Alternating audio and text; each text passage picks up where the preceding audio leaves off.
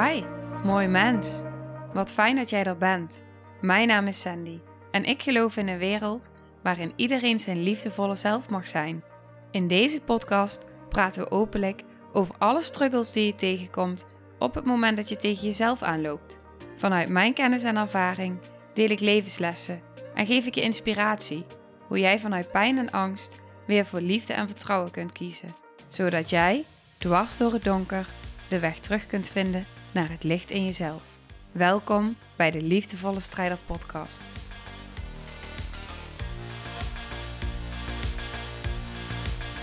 Dag, lieve, mooie jij. Dank je wel dat jij weer luistert. En in deze aflevering ga ik je meenemen. Ik ga namelijk het met je hebben over triggers naar shocktrauma ik ga mijn eigen ervaring daarin vertellen. Een trigger die ik zeer recent had. Wat er gebeurde in mij. Hoe ik daarmee ben omgegaan. En vanuit daar kan ik dus ook soort van, nou ja, um, ja, tips, ehm, nou, ideeën opgooien. Dat op het moment dat jij dus ineens wordt overweldigd door een trigger, wat je dan kan doen op zo'n moment als je alleen bent of als je met anderen bent. Wat kun je doen als je zo getriggerd wordt?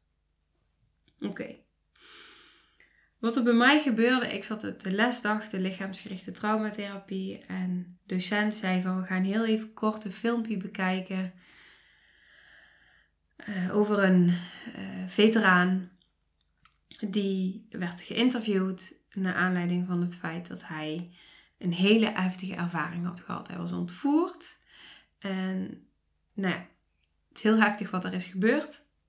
En toen hij daarover vertelde, waren er eigenlijk twee dingen die ervoor zorgden dat ik compleet, uh, nou, overweldigd werd en getriggerd werd. Maar echt zo getriggerd, ja, ga je meenemen. Ik ga niet het woord gebruiken, want als ik het woord ga gebruiken, dan ga ik mezelf nu. Uh, dit, is, dit is gewoon nog te gevoelig. Daarin heb ik ook nog. Ja, ik heb al heel veel heling gedaan op dat stuk. dan heb ik het over seksueel trauma. Maar om het woord uit te spreken. Misschien hoor je het ook al in mijn afleveringen. Misbruik, seksueel trauma. Maar het echte woord, die vermijd ik. Oké. En dat is dus een trigger. Nou, dat woord werd daar dus uitgesproken. En wat er ook werd uitgesproken was, is dat die man vertelde van... Ja, ik, het gebeurde met me, maar ik, hing, ik zat niet meer in mijn lichaam. Ik hing erboven. Nou, die triggerde mij ook heel erg. En hij dissocieerde. Dat zag ik ook gebeuren. En dat herken ik ook bij mezelf. Nou, dat, we zaten in een groep. En ik zag dat. En ik kon niet meer de rest van het filmpje volgen. Ik begon te huilen. Ik begon enorm te zweten. Echt, het zweet liep van mijn handen af. Mijn hartslag ging super snel, alsof er gevaar was. Dus mijn hele lichaam reageerde eigenlijk met complete paniek. Ook kreeg ik gedachten van: oké, moet ik nu vluchten? Dus het is altijd, bij mij is het of dissociëren, bevriezen of vluchten. Of mezelf pijn doen was vroeger, maar um, dat was dan later. Dat was niet in de situatie zelf. Dat was dan meer als ik overweldigd werd of nou, getriggerd werd. Dan zou dat een reactie kunnen zijn. Maar de meest, uh, nou, in heftige situaties bij mij echt dissociëren, bevriezen. En uh, nou, nu dacht ik dus, ja, het is dissociëren of bevriezen. Maar op het moment dat ik dus getriggerd word, dan is het dus of uh, en overweldigd word, is het of vluchten of mezelf pijn doen. Dat zijn zeg maar een soort van mijn mechanismes.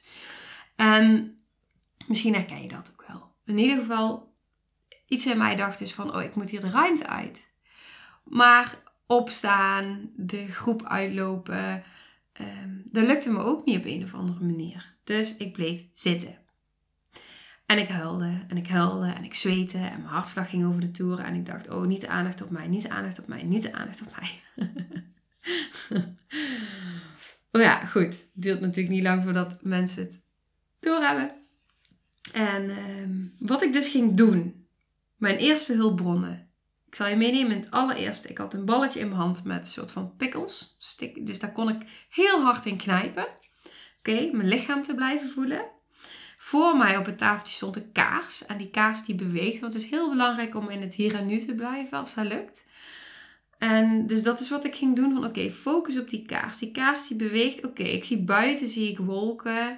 En ehm, ik zie hier die kaars. Oké, ik zie de ruimte. Uh, in mijn hand voel ik die bal. Uh, wat zie ik in mijn omgeving? Oké, nou, dus echt. Um, ik heb ook interne hulpbronnen. Maar daar kon ik op dat moment even niet bij. Dus op dat moment was het echt uh, in mijn omgeving, in het hier en nu. En nou, op een gegeven moment de lieve meiden naast me, die uh, pakte mijn hand. En uh, was heel mooi, want uh, stelde me ook vragen. Ik weet niet meer wat ze vroegen. Op een gegeven moment zei een van de twee ook daarna, was later, was in de pauze, van ik zag gewoon dat je, dat je eruit schoot, dat je dissocieerde. En er was dus ook een moment dat de lerares, de docent dus eigenlijk aan mij vroeg van, nou wat, wat, wat gebeurde er, wat, wat raakt je zo? Het mooie is dus dat het me dus lukte om uit te spreken van nou, hè, dat hij uit zijn lichaam was en dat woord. maar dat uitspreken, dat vond ik echt al heel dapper van mezelf. Vond ik echt heel knap. Dus dat was ook weer zo, zo'n, ja, ook weer een soort van helende beweging van oké, ook al voelt het heel kwetsbaar en is er heel veel wat er nu gebeurt. Ik deel het of zo. En ik voelde tegelijkertijd ook van nou, alsjeblieft haal die aandacht van mij af. Niet nu, niet hier. En toen uh, ging gelukkig ook het rondje van oké, wie heeft wat um, allemaal ervaren, zeg maar. Het was echt meer dan genoeg op dat moment voor mij. En wat ik dus voelde was dus ook dat mijn arm trilde. Dus mijn lichaam begon eigenlijk al een soort van te shaken. Daar was wel dat ik ook dacht van moet ik nou de ruimte toch uitlopen om even mijn lichaam te laten shaken. Um, maar iets in mij wilde ook gewoon in die veilige setting blijven zitten. En niet de ruimte uitlopen in mijn eentje om daar uh, om ervan weg te gaan, zeg maar. maar. Weet je wel? Dus ik ben gaan schrijven in mijn, in mijn uh, klapblok. En het grappige is dus wat je ziet, en dat zie ik ook in dagboeken, misschien herken je dat wel. Als ik in een ander stuk geraakt word, dus als ik, ja, dat heb ik altijd al gehad en ik zag het nu dus ook op papier, dan wordt mijn handschrift ook anders.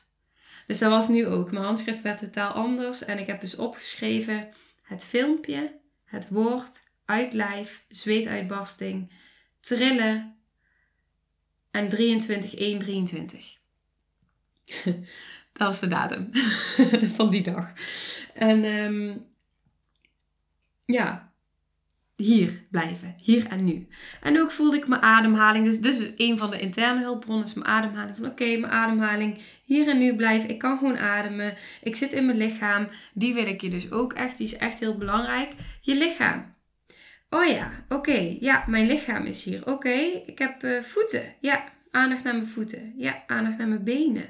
Oh ja, mijn armen. Ja, mijn hoofd. Nou weet je wel, zo kan je hele lichaam afgaan. Een soort van um, om in je lijf uh, te blijven. Allemaal hulpbronnen. Op het moment dat jij dus, het allerbelangrijkste is als eerste, die heb ik dus niet benoemd, maar die gebeurde dus automatisch, is de trigger verwijderen. dus die trigger die moet eh, stoppen, zeg maar. Dat is natuurlijk logisch, maar die is dus heel erg belangrijk. Weg van de trigger of, nou ja. En vervolgens is het dus op het moment dat er dus iemand bij je is, kan diegene dus jou helpen, hè, jou aanraken als dat oké voelt voor jou. Dan kun je ook afspreken van, hey, ik heb vaker zo'n triggers. Ik heb het gelukkig tegenwoordig dus bijna niet meer. Um, ja, of ik moet bijvoorbeeld ergens in het donker lopen. Ja, dan ben ik wel veel sneller getriggerd. En nu, sinds het auto-ongeluk, merk ik het dus ook op de snelweg dat ik uh, sneller, dat mijn lijf reageert als er, als er iets te snel gaat of iets te dichtbij komt. Maar dat is weer een ander verhaal. Maar er zijn natuurlijk ook triggers. Die dan dus uh, ook weer even, en natuurlijk nu ook heel logisch omdat het ongeluk zeer recent is geweest. Mijn lichaam moet daar ook weer van herstellen. Maar dit was natuurlijk een hele diepe trigger en een hele, hele oude, ja, of ja, het is heel lang geleden. Ik was kind, dus het is echt gewoon, ja. En wat daarin dus heel erg belangrijk is, dus wat ik dus bij mezelf deed, is oké, mezelf in het hier en nu houden. Dat kun je dus ook bij jezelf doen. Maar op het moment dat er dus iemand bij je is, kan diegene jou dus helpen om in het hier en nu te zijn. In sessies doe ik het ook. Het hier en nu is super belangrijk. Wat is je leeftijd? Uh, waar zijn we? Wat is je naam? Uh, wat is de datum? Nou, wat ik dus bij mezelf deed, de datum opschrijven. Dat kan iemand anders voor je doen. Dan kan je, als het lukt, als het bij jezelf lukt, want het ligt er ook maar net aan hoe heftig. Hè? Als je echt een flashback hebt, ja, dan zit je erin. Dan zit je weer in dat verleden. Dan weet je helemaal niet meer wat het hier en nu is. Dus dan heb je echt die ander nodig die jou bij de hand pakt en die jou weer terughaalt. Dus die aanraking is super belangrijk. Super belangrijk dat merkte ik namelijk dus ook, dat hun aanraking en iets in mij zei, ik heb zo'n zweethanden. Maar het was heel fijn, die aanraking. En ook voelen daarin van, hé, hey, weet je wel, je bent echt veilig. Je bent niet alleen, het is oké. En dat kon ik dan ook nog tegen mezelf zeggen. Maar het is dus, dus, dus die veilige omgeving is echt, gewoon super belangrijk. En dan ook, wat daarin belangrijk is, is dus ook echt het vertragen. Het vertragen. En wat mij heel erg hielp ook, was dus dat vervolgens het rondje soort van doorging en iedereen zijn ervaring ging delen. Dat ik dacht, oh ja, oké, oké, oké, weet je wel, het is oké. En ja, ik kon mijn focus ook weer een soort van verleggen. Maar het overviel me wel even dat ik echt dacht van, wow, oké. Ineens is het er dan weer. Ja, ja. En ik heb, vroeger had ik heel veel triggers. Jaren geleden had ik echt heel veel triggers. En dat kan natuurlijk van alles zijn. Dat weet je zelf ook wel. Wat zijn al die triggers? En dat is bij mij door de jaren heen is dat wel echt uh, afgezwakt. Dus wat vroeger hele heftige triggers waren, zijn nu geen heftige triggers meer. Maar ja, er zijn er dus nog zeker wel. En dat is dan ook weer op zo'n moment. En toen dacht ik ook wel van, toen ik die voelde, dacht ik, oh ja, maar dit is, ja, hier, hier, hier kan ik je mee helpen. Of inspireren. Of in ieder geval, nou ja, het met je delen. Want misschien heb jij daar ook wel iets aan. Dat op het moment dat jij dus voelt van jeetje, uh, ik heb nog best wel vaak van die triggers.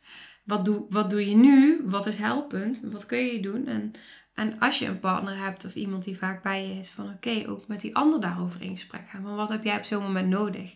Hoe kan die ander jou daarin helpen?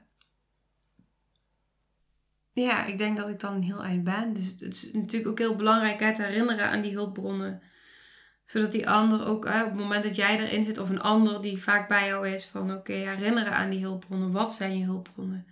Kijk maar eens om je heen. Wat zie je allemaal? Wat voel je? Kom maar even in het hier en nu. Ja. En dat is, dat is super, super, super belangrijk. En vooral ook als je uh, zelf geneigd bent om snel te dissociëren. Uh, dan zijn dat ook echt dingen, tenminste, die mij heel erg helpen daarin het moment dat ik voel dat ik geneigd ben om uit mijn lichaam te vluchten, te dissociëren dus, dan is het echt, ehm, ja, uh, dit in mijn lijf voelen, ademhaling.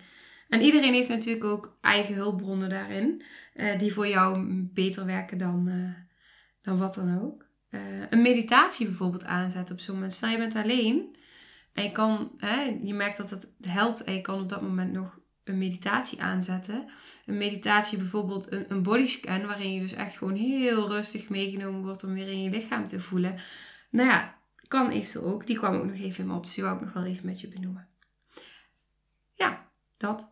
Mocht je nou vragen hebben, of mocht je voelen van hé, hey, ik wil even het er met je over hebben, of iets met je delen, voel je vrij. Voel je echt vrij. Het is helemaal welkom.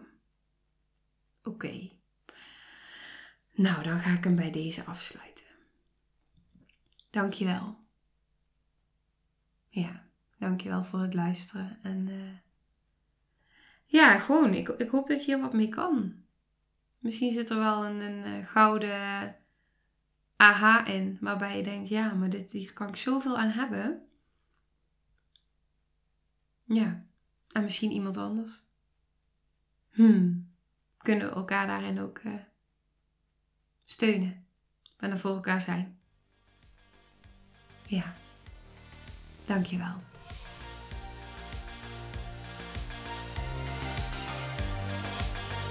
Nou, lieve mensen, ontzettend bedankt voor het luisteren. Ik ben heel benieuwd wat je van de aflevering vond en welk inzicht je eruit hebt gehaald. Mocht je nog vragen hebben of is er een onderwerp waar je meer over wilt weten, laat het me dan weten. En wie weet neem ik het mee in een van de volgende afleveringen. Als je het leuk vindt, kun je de aflevering delen. of maak een screenshot en tag me op Instagram. Want ik vind het echt super tof om te zien wie er luistert. De link van mijn Instagram staat in de beschrijving bij de podcast.